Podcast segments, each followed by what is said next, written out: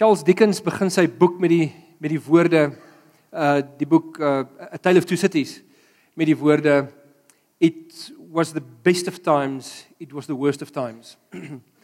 En wat hy daarmee bedoel het is daar is sekere dinge in die samelewing wat regtig baie baie goed is en daar's dinge wat wat nie so goed uitwerk. En baie mense, um, ek het trouens nou ruk terug 'n moderne boek gelees wat die samelewing probeer opsom. En die boek begin met dieselfde wo woorde. Dit is the best of the time, it's the best of times, sorry, it's the worst of times. Bedoelende ons leef in een opsig in die beste tye. Ek bedoel ons het ehm um, mense het vandag meer regte as ooit tevore. Daar's 'n baie groter fokus op menslike gelykheid as wat daar ooit in die geskiedenis was. Ehm um, dan word regte nou al vir lank aan vrouens toegeken en vir allerlei soorte mense daar's die tegnologie help ons baie ons leef met 'n met 'n postmoderne uh, tegnologie ons ek is veral vreeslik bly ek moet nou weer tandarts toe gaan en ek is vreeslik bly ek hoef nie na tandarts toe te gaan met wat met 'n premoderne mediese beeld leef nie. Ehm um, dit dis baie lekker om te weet dat ons lewe in 'n moderne tyd. En uh, daar daar's dinge wat wonderlik is, maar daar's ook dinge wat baie wat glad nie uitwerk nie, wat wat dit die worst of times maak. En dit is twee goed spesifiek, die daai selfde tegnologie wat dit vir ons so great maak, maak dit ons so vinnig beweeg dat ons disconnected van mekaar leef en die en dat ons lewenstempo so vinnig is dat ons begin baie swaar betaal daaraan. En waarvan waarvan praat ek? Ek praat daarvan dat baie van ons vandag struggle met stres en angs en depressie. Trouwens ons gaan in vandag en die volgende reeks gaan ons oor hierdie drie dinge praat. Ons gaan praat oor oor stres. Almal van ons beleef stres een of ander tyd. As jy jou stres nie reg beheer nie, dan skakel dit later op na angs. En as jy regtig jou angs nie reg hanteer nie, dan skakel dit later op in depressie. En wat later vir jou die gevoel gee as jy oggend wakker word, ag, uh, moet ek regtig vandag opstaan? Ehm um, is dit regtig worth it? Ons almal voel baie so. En so uh in een opsig leef ons in 'n redelike depressing wêreld. Nou ek like dit nie om te sê nie want ek is 'n optimis, ek's 'n positiewe mens. Ek hou daarvan om die positiewe raak te sien. Maar hoe dit ook al sê, ons almal word soms dit gepla deur die swart hond, soos wat uh beide Martin Luther en uh, Winston Churchill dit genoem het. Hulle is mense wat um wat, wat uh, in Martin Luther se geval in elk geval kind van die Here uit die reformatie begin ongelooflike pad wat hy saam met die Here gestap het. Ek het nou weer in Desember sy nuutste biografie gelees en is kenmerkend hoe hy gestruggle het met wat hy noem die swart hond, die hond van depressie, wat hom wat, wat vir hom 'n plaag was. Op sekere tye was hy so depressief dat hy skaars sy voete in die bed het kon sit. Winston Churchill die uh, die premier van Brittanje tydens die, die Tweede Wêreldoorlog, selfde storie. Hoe hulle moes deel hiermee. Ek wil vanoggend se boodskap is in 'n sekere opsig baie baie persoonlik. Want ek het in 'n huis groot geword waar ek depressie nie geken het nie. En waar ek angs nie eintlik ek wil ons ons was angstig en bietjie gestres oor goed, maar ons was eintlik 'n baie gechillde familie gewees. Nie eintlik baie ge-worry oor enigiets nie, eintlik in die ander rond grond talle geknars en en geweet in die punt van ons kussing gesuig, jy weet, daai soort van goeters nie. So ons was ek kom met 'n redelik gebalanseerde familie. Ek het nie geweet wat depressie is voordat ek Marie ontmoet het nie. En toe ek haar ontmoet, kom ek agter, joh, daar's da mense in hierdie wêreld wat die lewe baie baie anders beleef. Marie, Marie is iemand wat 'n wat 'n perfeksionis is. Sy stel verskriklike hoë standaarde aan haarself en ook aan al die ander mense om haar wat dit moeilik maak vir haarself en die mense om haar. Haar persoonlikheid is sy's emosioneel baie fyn besnaard, aan mekaar gesit. Sy's sensitief. Sy observeer dinge verskriklik fyn en verskriklik akkuraat. En en sy's emosioneel intens. Dit beteken sy beleef die donkerte van die lewe, die donker kant van die lewe beleef sy baie baie meer intens as ander mense. Nie omdat enigiets fout is nie. Dit kom eintlik juis uit die goedheid van wie sy is want hoe sy aan mekaar gesit is maak dat sy nie sommer net so oor dinge kan kyk nie. Sy beleef emosie wanneer sy mense sien swaar kry. Dit het dit het dit het 'n impak en implikasies op haar geloof. En so leer ek haar ken en ek besef toe heng, sy kom uit 'n familie waar haar pa byvoorbeeld was een van sewe broers uh 5 uit die 7 ly aan depressie. 'n Paar van hulle het selfmoord gepleeg. Ek kan nie onthou hoeveel nie. Maar hierdie die wêreld waarin my vrou groot geword het en vandag steeds leef is 'n baie baie ander wêreld as die wêreld waarin ek gewoond was. En in 2008 toe deel my vrou my hierdie volgende nuus mee. En julle weet mos nou ek wil 'n huwelik is daar om jou regtig te laat groei. Is nie so nie. Jy jy trou met iemand sodat daai persoon jou kan rek dat die rekmerke sit. Want dis hoe jy groei. dis hoekom jy anders is. Want sy gaan jou so 'n bietjie stretch en hy gaan jou so 'n bietjie stretch. En die grootste stretch wat sy na my toe bring. Sy sê vir my Rudolf, ek kan net nie meer nie. Ek het my geloof verloor. Ek glo nie meer in Jesus nie. Of sy het eintlik gesê ek is nie meer seker wat ek glo nie. Dat daar miskien vaagweg 'n wese is wat ons God kan noem, dit mag dalk so wees, maar of dit die God van die Bybel is, ek het geen idee nie. En haar haar stres en haar angs en haar depressie het net so opgehoop en opgehoop dat dit net dit het net vir haar te veel geraak, soveel so dat selfs haar geloof nie meer sin gemaak het nie. Sy het baie baie kritiese vrae gestel aan die kerk en aan geloof en aan my. En ek het vir haar gevra, ek het dadelik vir haar gevra, wat het jy nodig? Wat kan ek vir jou doen? Wat wat, wat het jy nodig om te doen of hoe hoe kan ek jou help? En sy het eenvoudig net vir my gesê, "Wie jy, ek sal my lewe moet vries. Ek sal my lewe moet vries en ek sal hierdie goed moet deurdink. En ek sal hierdeur moet worstel." En ek het van gesê, "Nou maar doen dit." Ehm, um, vat die tyd wat jy nodig het. Wees Wees rustig, vra die vrae wat jy moet, worstel deur die goed wat jy moet. As ek kan help enigstens op die pad, la, laat my weet wat ek kan doen. En en so die journey begin. En ek het uit uh, hierdie reeks vanoggend is gebore uit ons uit die harte van ons as 'n leraarspan. Want ons het te maak met so baie van julle en ook besoekers, mense wat kom kuier wat ons besef struggle regtig met die swart hond struggle met depressie, struggle met hoë vlakke van angs. En met al die dinge wat gebeur in Suid-Afrika, ehm um, maak dit alsin erger. Maar daar's 'n daar's 'n boelie daar buite. Ons noem hom ons noem hom die duiwel en ons gee nie vir hom al die skuld nie. Regtig, hy's nie so belangrik nie. Maar die Bybel leer vir ons wel dat hy 'n moordenaar is en leer vir ons dat hy 'n leenaar is. En een van die maniere waarop hy moer, is hy vat ons lewensbetekenis vir ons al weg. Hy skep samelewings en hy hy maak sy eie bydrae daartoe om samelewings te skep waar mense disconnect van mekaar, waar mense mekaar nie meer hoor nie, waar mense nie meer die krag het as individue om te deel met die donker kant van die lewe nie.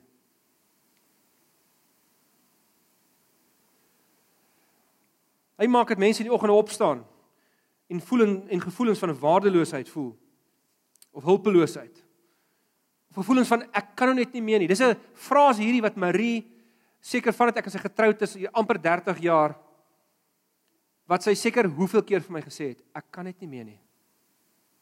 Ek kan net nie meer nie. Of selfs gevoelens dat mense in die oggend of wakker word, mense het al vir my gesê dat hulle dink, "Wie wat ag almal is eintlik maar net beter af sonder my." So, die punt is, vriende, Suid-Afrika is uitgestres. Suid-Afrika is uitgestres. As jy na daai drie grafiekies kyk, die heel die enetjie heel links is ehm um, vir ons kleerling gemeenskap in Suid-Afrika 34.7% van ons kleerling gemeenskap sê hulle is onder hoë vlakke van stres. Dit voel vir hulle asof hulle amper by einde is. Ehm um, 38.1, die tweede kolommetjie 38.1, ons is blankes en die swart mense in ons land 35%. So jy kan sien die, bevolkingsgroep in ons land is almal byna ewe uitgestres. Nou ehm um, Is dit 'n baie ongesonde syfer? Ja, in die 30% is ongelooflik ongesond vir enige land so hoeveel dit mense wat sê dat hulle eh, dat hulle is uitgestres. In Europa of in Amerika is die uh, gaan die mense nie sommer bo 15% in 'n land nie. Mense wat sê dat hulle aan akute stres ly nie. So Suid-Afrika is uitgestres en ons moet iets doen daaraan. Ons ons moet met ander woorde weet dat ons uh, moet baie intentioneel op hierdie goed begin fokus. En dit is waaruit hierdie reeks gebore is. En dan kom ons in die Bybel toe. En dan gee die Bybel vir ons seker seker beloftes. Nou die Bybel is van die mees reël boeke wat daar is. Lees 'n bietjie die Psalms. Die grootste deel van die van die Psalms, grootste persentasie Psalms wat daar is, is klaagpsalms. Ouens wat gemoun het met die Here. Gesê, Here, nee, heng, ek kan nie meer nie. Ek's nou moeg. Ek jy weet, jy weet, ek jy weet, wipe my vyand uit en kry klaar asseblief. Ek kan net nie meer nie. Psalm 13. Here, hoe lank nog moet ek my daar moet kommer deurbring? Hoe lank nog gaan U van my af wegkyk? Hoe lank nog moet ek my um, gaan my vyand oor my heers. Die psalms is geweldig reël. Ook baie lofpsalms. Maar in die Nuwe Testament kry ons 'n bietjie van 'n ander prentjie wat bykom. En hier in Johannes 7 som Jesus van net een hoek som hy die die lewe op van hoe, hoe iemand in Christus sal lewe as hy die volheid van Christus agter hom het en in sy lewe akkommodeer.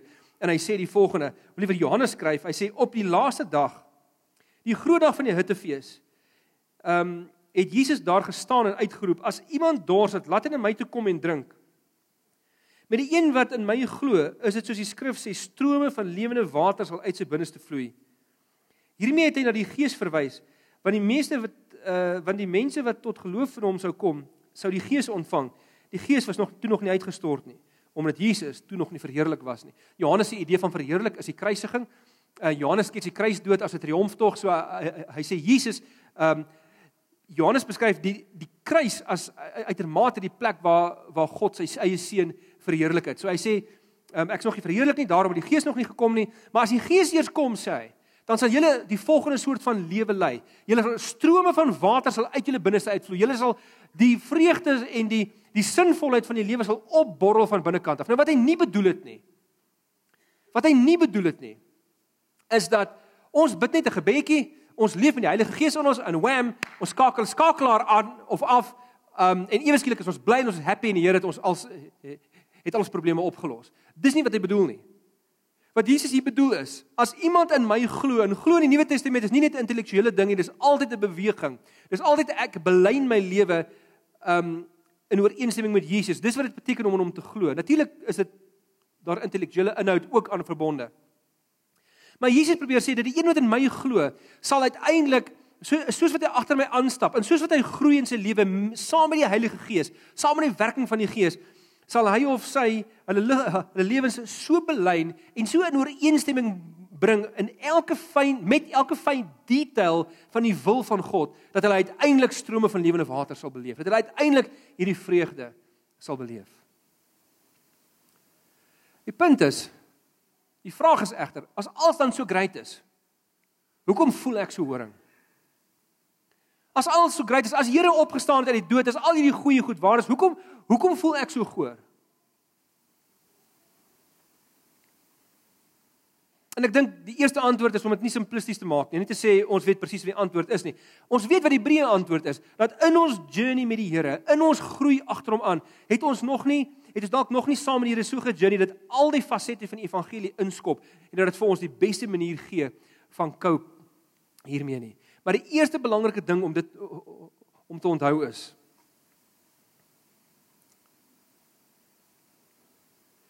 vir alles mense die psalms lees dat om die swart hond voor jou deur te hê is deel van die lewe. Daai swart hond kom baie keer kuier vir ons. Vir party mense bly hy permanent. En gelowige mense loop met ongelooflike skuldgevoelens omdat hulle angstig is omdat hulle sukkel met depressie. En daai ons met daai skuldgevoelens nou mee deel. Ons hierdie gemeenskap mag nie enigiemand laat skuldig voel omdat hulle deur 'n swaar tyd gaan nie of omdat hulle voel hulle struggle van wiele persoonlikheid of van wiele agtergrond of van wiele bepaalde situasie. Hiermee nie. Ek gaan die res van die oggend gaan ek eh, 'n bietjie met julle deel uit my en my my vrou se huwelik uit. Ons gaan 'n bietjie met julle deel oor hoe, hoe Marie gestruggle het met depressie en hoe en hoe ek dit beleef het. So die beste sou wees dat sy hier voor kon wees en dat sy haar eie getuienis om hier kon gee. Ehm um, maar sy kyk die naweek bietjie by haar ma en ek het gister soort van eers besluit hierdie is die angle dink ek wat ek wil vat. En uh, ek en sy het gisteraand egter 'n lang gesprek gehad op die telefoon. Ek het vir haar gesê wat ek graag wil doen en sy, sy het sommer net ek en sy het sommer net 'n bietjie van 'n clarifying paar goedjies mekaar gesê met die oog op vanoggend. Maar as ek na my vrou kyk en die rede hoekom ek haar vanoggend as 'n voorbeeld wil uithou is ek ek doen dit nie omdat sy my vrou is nie, maar ek moet vir julle sê ek het al in my uh, rol as 'n leraar soos my kollegas ook baie te maak gehad met mense wat in depressie ly en daarmee struggle en ek ken niemand wat hierdie ding so die hoof bied en oorwin soos my eie vrou nie.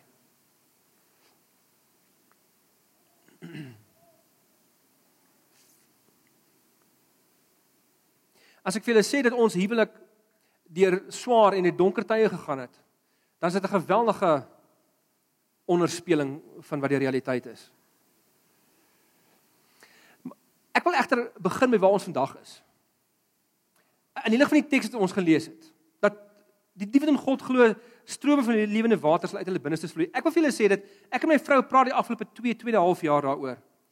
Dat ons beleef vir die eerste keer oor 'n langtermyn konsekwent beleef ons die Gees se lewende water in ons eie lewens.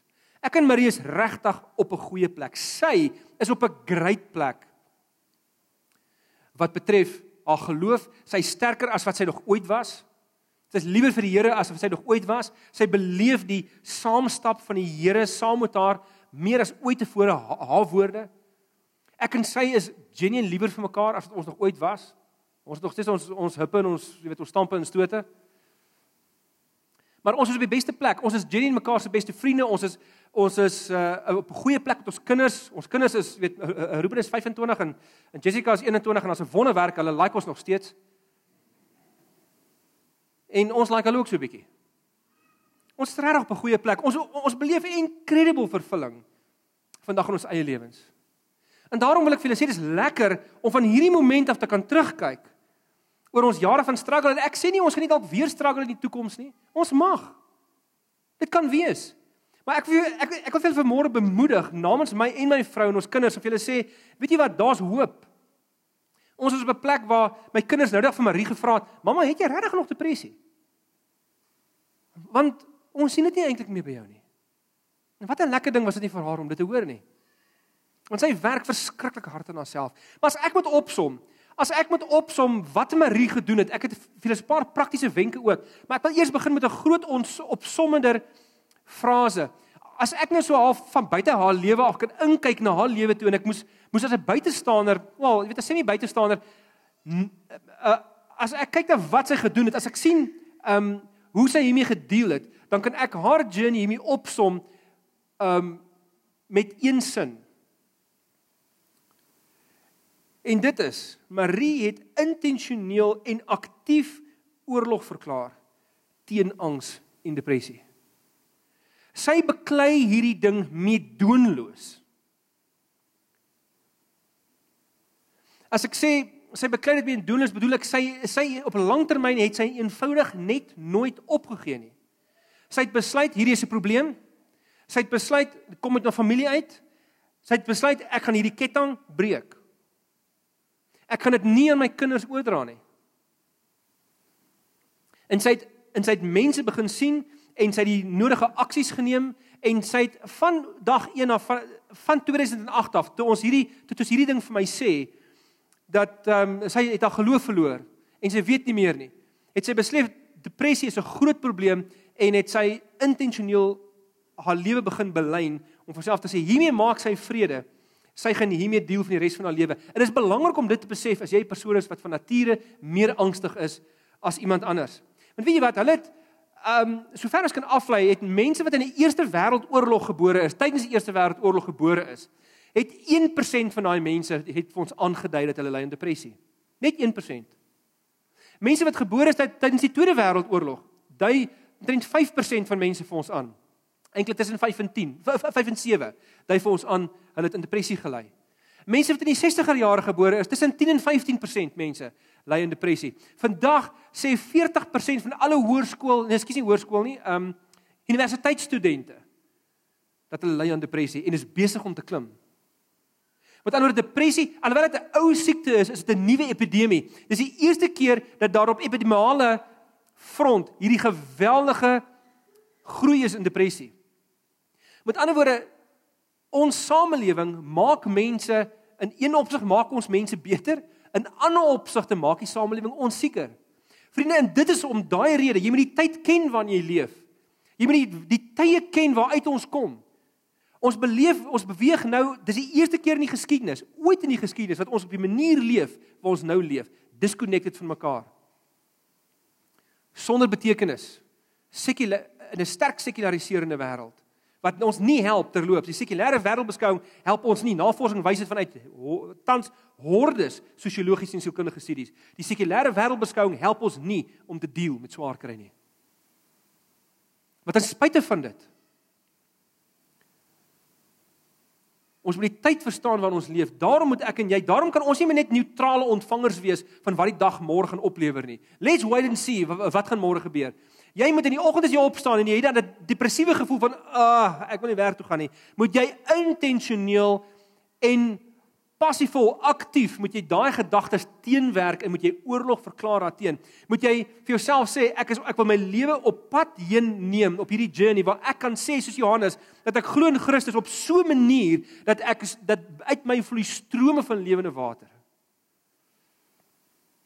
En is dit nie eens hoe jy voel nie? Ontspan. Jy's op 'n goeie plek, jy's in veilige gemeenskap, jy's op 'n plek waar jy kan sê hoe jy voel. En Marie het eenvoudig oorlog verklaar. Wat ek bedoel daarmee is nie dat ons nie donker tye gehad. Jesus, ek moet vir julle sê daar's daar's daai groei van iemand wat in depressie leef, as hulle reg hard werk dan spike daai oorwinnings en en failings spike op en af die hele tyd. In daai tye was daar tye wat ek so vir dit my so donker was. Net ek het agtergekom onbewuslik ek werk langer ure sodat ek nie hoef huis toe te gaan nie. Sodat ek nie hierdie donker wolk by die huis hoef te beleef nie. Elke keer wanneer Marie so in 'n gat geval het, dan trek sy en dit is nie haar skuld nie. Dit is nie haar skuld nie. Trek sy almal van ons saam af, soveel sodat my kinders my kon sê, "Eers pa, ek weet nie, nou wil ek wragtig die bos in hardloop." En dan help dit nie om vir om vir so 'n persoon te sê, hoor jy laat ons almal sleg voel nie, want hulle voel klaar sleg genoeg. Dit help nie.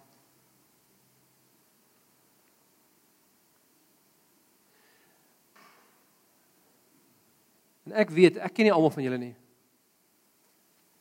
Maar ek weet daar's vanoggend 'n beduidende persentasie van ons wat nodig het om bemoedig te word. Wat nodig het om te hoor Die swart hond is nie net vir jou deur nie. Hy's vir baie van ons se deure. En baie van ons moet struggle hiermee soos jy. So daar's vier vier praktiese wenke, vier dinge wat Marie gedoen het. So hierdie storie is baie persoonlik. Hierdie wenke korrespondeer egter met met met wat navorsing vir ons sê in wat ehm um, ervaring vir ons sê. Maar die heel eerste praktiese wenk is net dit. Marie het ehm um, hoe sy oorlog verklaar het teen. Sy het begin lees oor die goed en sy het gepraat daaroor. Sy het gelees en gepraat. Sy het nommer 1 van dit haar hoek van geloof, het sy in daai tyd het sy allerlei weird boeke gelees. Want sy het haar geloof verloor as as as 'n resultaat van die depressie. In daai tyd het sy alles gelees. Sy het boeddhisme gelees, sy sy het ateïsme gelees. Uh boeke oor agnostisisme. Mense wat sê ons kan glad nie seker wees of daar 'n God is nie. Ehm um, sy het 'n uh, uh, boeddhistiese boeke gelees, Hindu. Sy het allerlei goed gelees en sy het Christelike goed ook gelees. Sy het konservatiewe fundamentalistiese Christelike materiaal gelees en sy het liberale Christelike materiaal gelees. Maar sy het aktief engage in hierdie soektog na God. Sy was 'n verantwoordelike skeptiek na so 'n jaar het sy haar geloof teruggehaat. En soos ek vir net gesê het, vandag is sy maak sy my sterk. Maar dis nie hoe dit altyd was nie. So na jaar het sy haar geloof teruggehaat, maar die depressie was nog lank nie onder beheer gewees nie. Nog baie baie gestruggle met depressie. Baie gestruggle met daai selfe goed, met daai donker gat waarna mens baie keer beland. En ehm um, ek weet ek en sy was nooit noodwendig vreeslike fans van Joyce Meyer nie. Uh, nik niks verkeerd met Joyce nie, maar in haar depressie het Marie agtergekom daar daar's een reeks series van Joyce Meyer preek series uh getiteld Battlefield for the Mind wat vir haar verskriklik baie gedoen het saam met alles wat sy gelees het was hierdie die kern uh, um die kern ding wat wat wat, wat vir haar onsaglik baie beteken het en ek weet baie keer in die aand as ek laat by die huis kom en ek sien Joyce Meyer se Battlefield for the Mind Hy langs op bed. Maar weet ek vandag het sy weer gestruggle. Vandag was dit weer moeilik. En wat sy gedoen het met daai goed van Battlefield for the Mind, sy het die teksgedeeltes wat Joyce Meyer opgehaal het, het sy gedurig oor gedink en gedink en het gememoriseer en sy het aktief daaroor nagelees en sy het en sy het goed geluister en sy het gepraat. Sy sy moes egter besluit waar sy daaroor praat en waar nie, want wat vir haar sleg was is sommige van haar vriendinne, dierbare, kosbare Christen vriendinne, kon sy nie hierdie goed mee deel nie. Want hulle het vir gesê, hoorie, maar jy moet joy hê. Is jy nou al oor dit? Dis nie opmerkings daai wat help nie. Dit trek daai mense net dieper in die gat af. Want hulle voel, hulle voel net nog slegter oor hulle self. Maar wat sy wel gedoen het is, sy het nie stil gebly nie. Sy het daaroor gedink en sy het daaroor gepraat en sy het 'n groepie mense gekry met wie sy daaroor gepraat het. En kom ek sê vir jou, ek was die grootste ontvanger van haar emosies gewees. Ek was 'n asblik gewees want sy al daai goed gedamp het. En dit is baie keer taaf. Partykeer moet ek uitdraf hier op die stage. Daar in die Wesrand waar ek was, jy moet nou gaan preek, jy moet of jy moet voor mense opstaan en lofliedere sing en jy's by die huis weg en jy's jy daar uit 'n donker gat uitgery en jy weet jou vrou is op 'n ander plek. Dis taaf.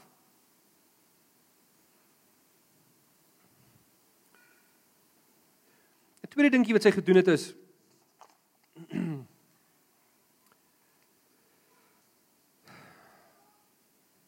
sy het uh, begin gesonder eet en sy het begin oefen.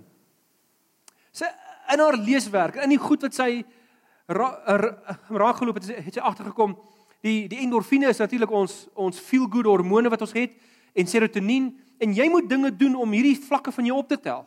En sy het agtergekom aan sy oefen, sy sy was altyd iemand wat altyd dan redelik aktief was, maar nooit regtig fanaties geoefen het nie.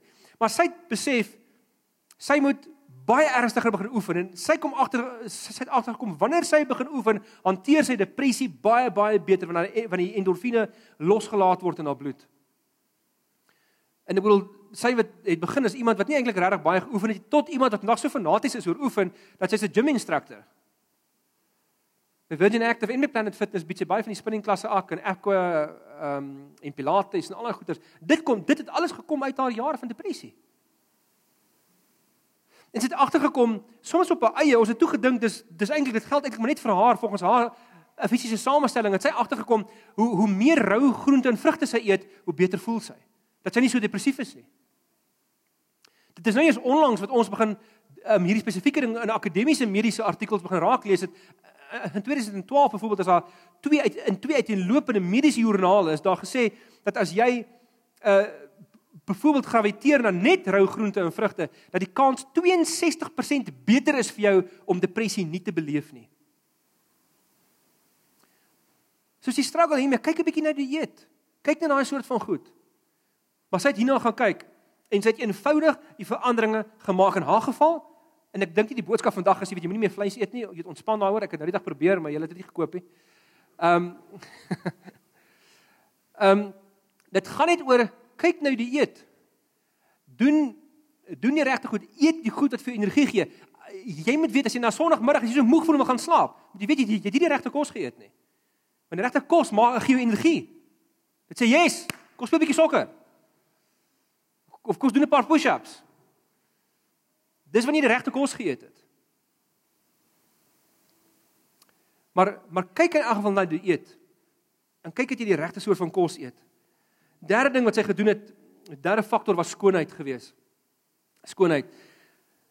Sy het eweslik agtergekom dat wie as sy haarself omring met met skoonheid, met beauty.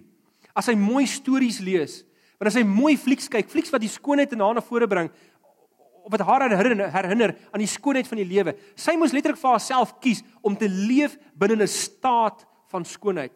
Om die mooi in hierdie wêreld raak te sien. En dit is taaf want Marie is 'n realist. Sy sien die donkerte voor sy die lig sien. Sy sien die negatiewe voor sy die positiewe sien.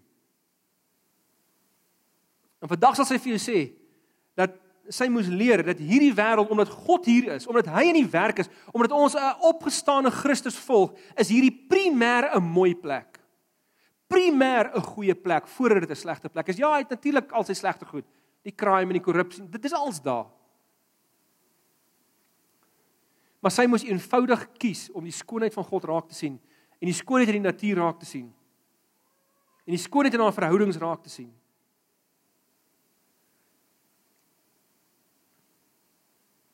En sy moes haarself train om dit te doen. En in hierdie tyd ook het sy 'n wat sy genoem het 'n 'n vreugdesmentor het sy om haar geskaar. Sy is eintlik 'n baie goeie vriendin van haar met die naam van Diana. Nou Diana, kyk, jy hoor vir Diana voor jy haar sien want sy is altyd vreugdevol. As sy as sy nie as sy nie kerk inkom en weet jy, okay, Diana het gekom, dis hier. Sy maak 'n groot lawaai. Maar dit kom met haar hart uit. Sy's regtig joyful. Sy's regtig 'n bly mens. En Marie het eenvoudig gesê, "Wie vir hierdie rukkie gaan ek net negatiewe mense uit my lewe uitsny. Ek kan net nie nou nie. Maar ek gaan tyd met Diana spandeer. Ek gaan dit ek gaan die Here toelaat. Ek gaan die Gees, gaan die Gees van God toelaat om deur die Diana vir my te leer hoe om vreugde te hê te midde van swaar kry. Diana is iemand wat self 'n baie swaar lewe het. Nie 'n maklike lewe nie. Maar dit kom vir haar maklik om joy haar primêre emosie te maak en Marie het het vir lank tyd spandeer met Diana. Hulle het vandag nog kontak. En die vierde dingetjie is is wat Marie genoem het die golden moments van die dag. Daar's twee golden moments. Dis die oggend wanneer jy wakker word en die aand net voor die slaap. Dis vrek belangrik. As jy jy moet jouself in die oggend eerste ding as jy opstaan met jouself reg programmeer.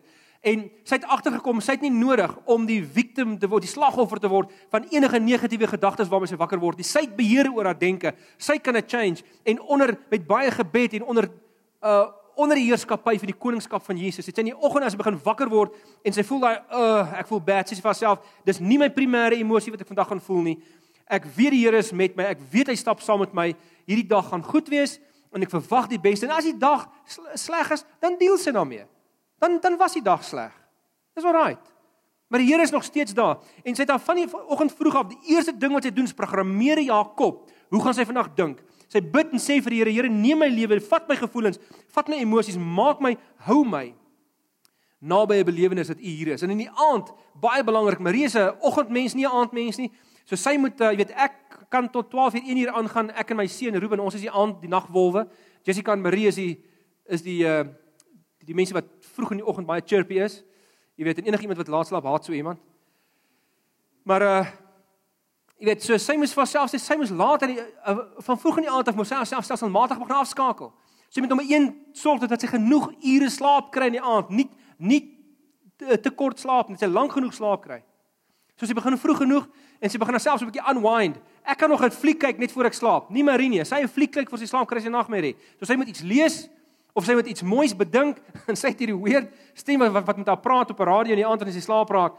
Jy weet so 'n kalm stem wat weet uh you are calm now. You are dit freak my heeltemal uit. Ek sê vir sê ek um, sy word kalmer maar ek gryf myself heeltemal weer op daai stemmetjie. Ek sê vir ek gaan my ek gaan myself nog skiet eendag as ek weer daai stemmetjie hoor. Jy gaan volgende oggend wakker word en daar's niemand langs jou nie. Jy gaan weer is daai stem, maar, maar vir haar werk dit.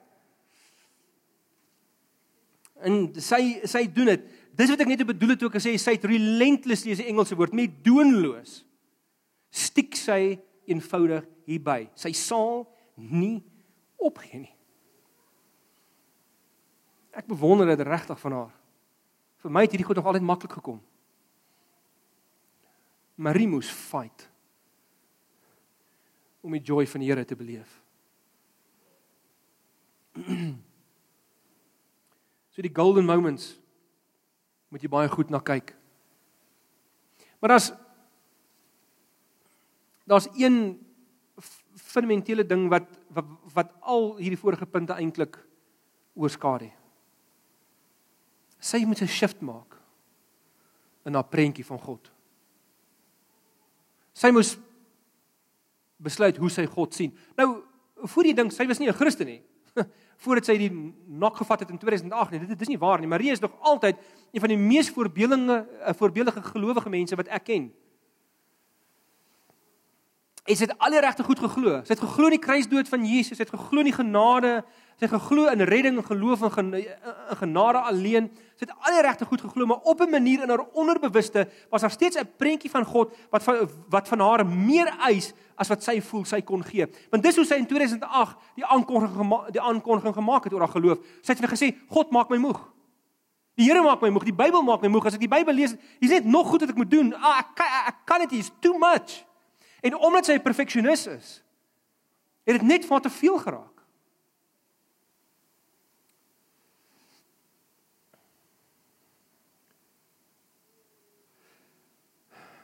En ehm um,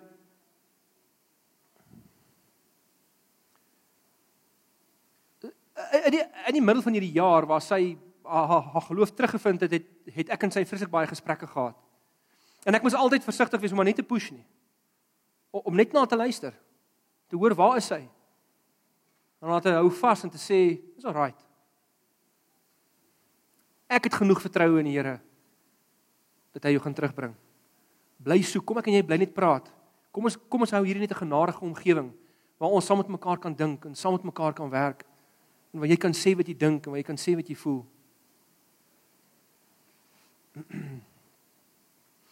In in die middel van hierdie jaar vertel sy vir my uh, ek het eintlik 2 3 jaar na die tyd vir haar gevra jy weet wat was een van die wat was van die mees uh van die kragtigste oomblikke wat jy beleef het in hierdie tyd, dinge wat jou gehelp het om beter te voel. En toe sê sy daai daai dag toe ek en jy 'n gesprek gehad het, sê sy vir my, ek ek kan nie die gesprek eintlik onthou nie. Maar sy sê vir my wat vir haar 'n 'n defining moment was, was 'n gesprek wat ons gehad het. Toe sy vir my net sê hoe moeg die Here haar maak en en ek het toe blykbaar vir iets gesê soos, maar wie liefie, dit klink vir my asof jou prentjie van God die is van 'n slawedrywer. Trouwens, as ek in moderne taal dit moet sê, dit klink vir my asof jy die Here sien as jy's 'n fotostaatmasjien en die Here is die fotostaat masjien operateur en hy druk net die knoppies en jy moet net produce, produce, produce, produce, produce. Sy sê van dit dit is presies hoe ek voel. Ek sê van wat as jy die Here nie meer sien as 'n fotostaat masjien operateur nie. Of 'n slawedrywer nie, maar wat as jy hom sien as 'n boer? En jy's die boontjie. In aan die einde van die somer as jy jou vrugte klaar gedra het, dan gaan jy in die herfs en jy gaan in die wintertydperk en jy nie dra geen vrug nie, en dit is oukei. Okay. Want 'n boer het empatie met die tuin wat hy versorg en hy weet daar seisoene en jy kan nie altyd net reg deur die seisoen groen blare en vrugte dra nie. Dit is onmoontlik. Jy sal jouself uitput. Dis party bome wat dit doen, maar nie al die bome is gemaak daarvoor. Die meeste kan nie. En sy het na die tyd vir my gesê, daai was 'n defining moment om ewe skielik te besef, weet jy wat, ek glo in 'n God van genade, maar ek leef nie vanuit genade nie. Ek sê ek glo in 'n God van genade, maar eintlik is dit by my daaglikse eise kom wat ek aan myself stel. Dan glo ek as God, dan glo ek in 'n God wat 'n slawedrywer is en nie eene wat 'n boer is wat terwyl ek in die winter seisoen is wat steeds my boontjie die boontjie kultiveer en die grond gesond maak en kunsmis gee en water gee waar dit nodig is.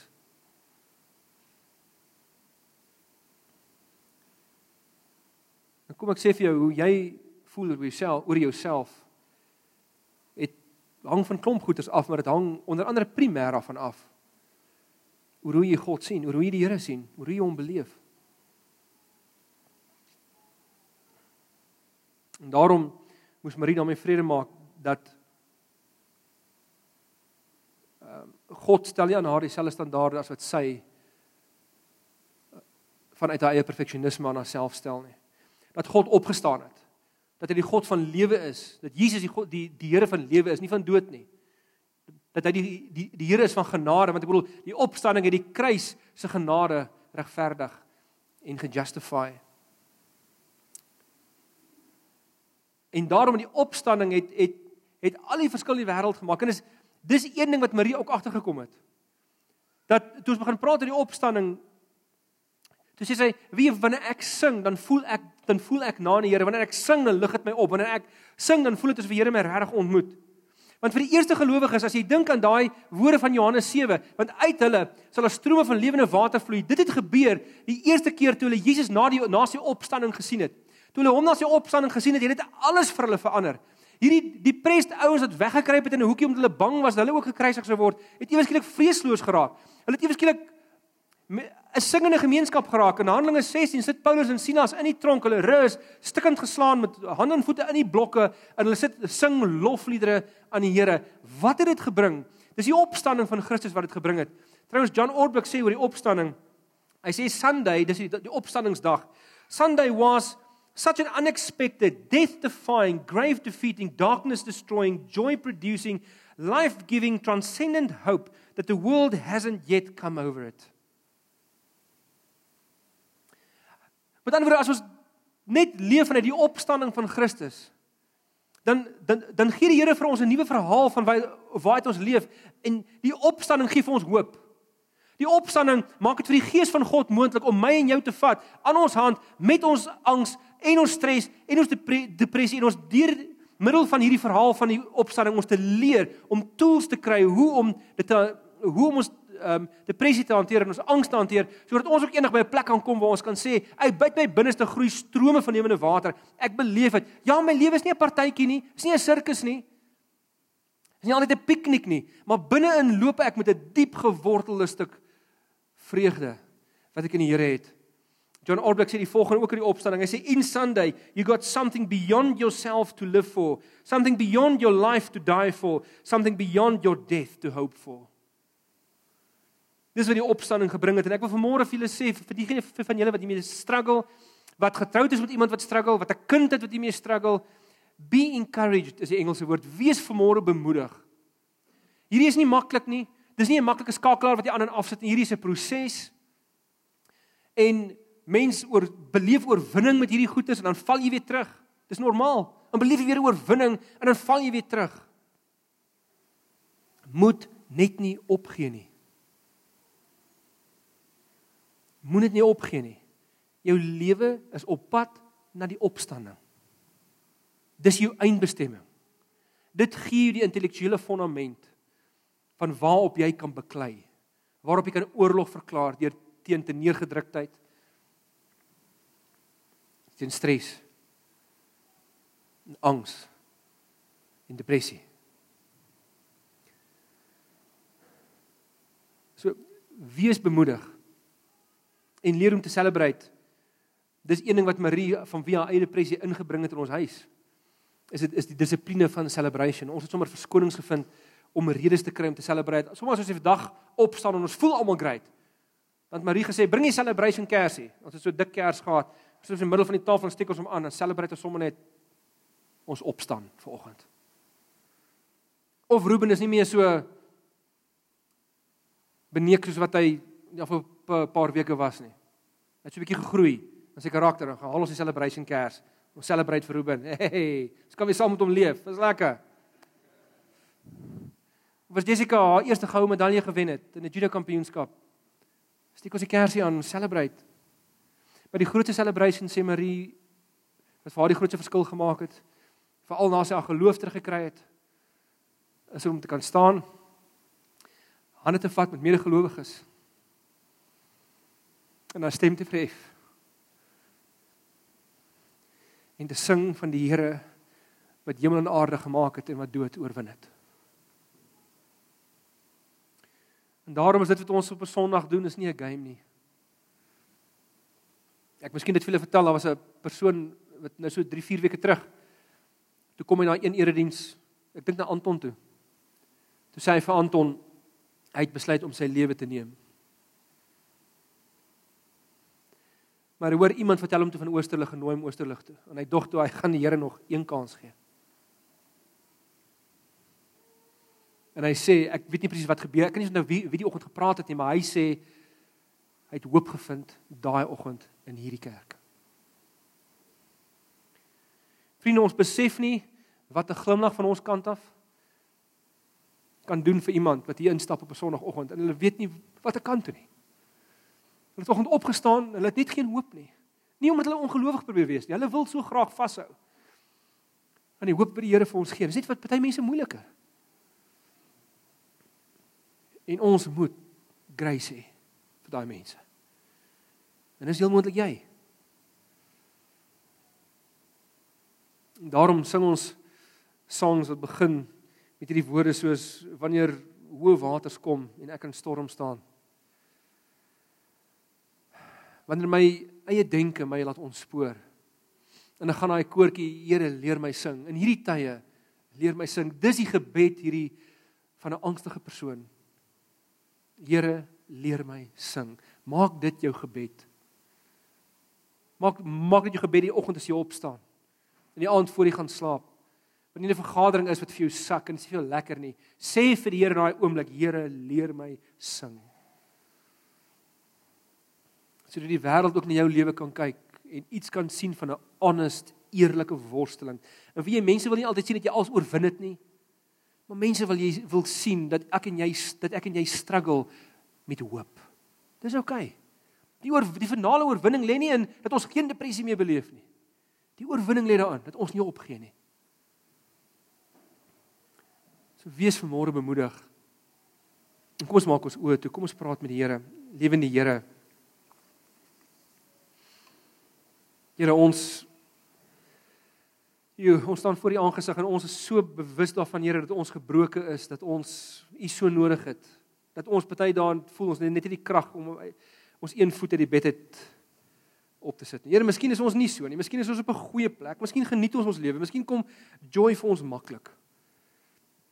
Ons sê vir U dankie daarvoor en gee vir ons geduld en genade met mense wat dit nie so maklik soos ons het nie.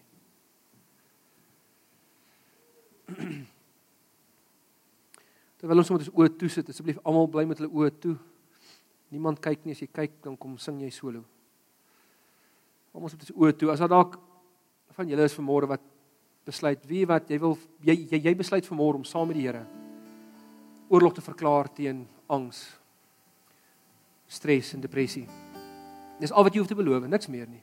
Jy hoef nie eens oorwinning te beloof nie, want dit is nie vir jou nie, dis die Here wat jou oorwinning gee. Maar as jy volgens besluit wie ek gaan ek, ek gaan hierdie fight fight. Ek gaan nie opgee nie. Net daar wees, dit steek net vinnig jou hand op en dit sak hom weer. Asai. Dis goed. Die Here sien al die hande. Here, dankie dat ons weet dat U sien ons hande. Meer as dit, U sien ons harte. U sien ons wil. Maar dit is vir ons soms moeilik.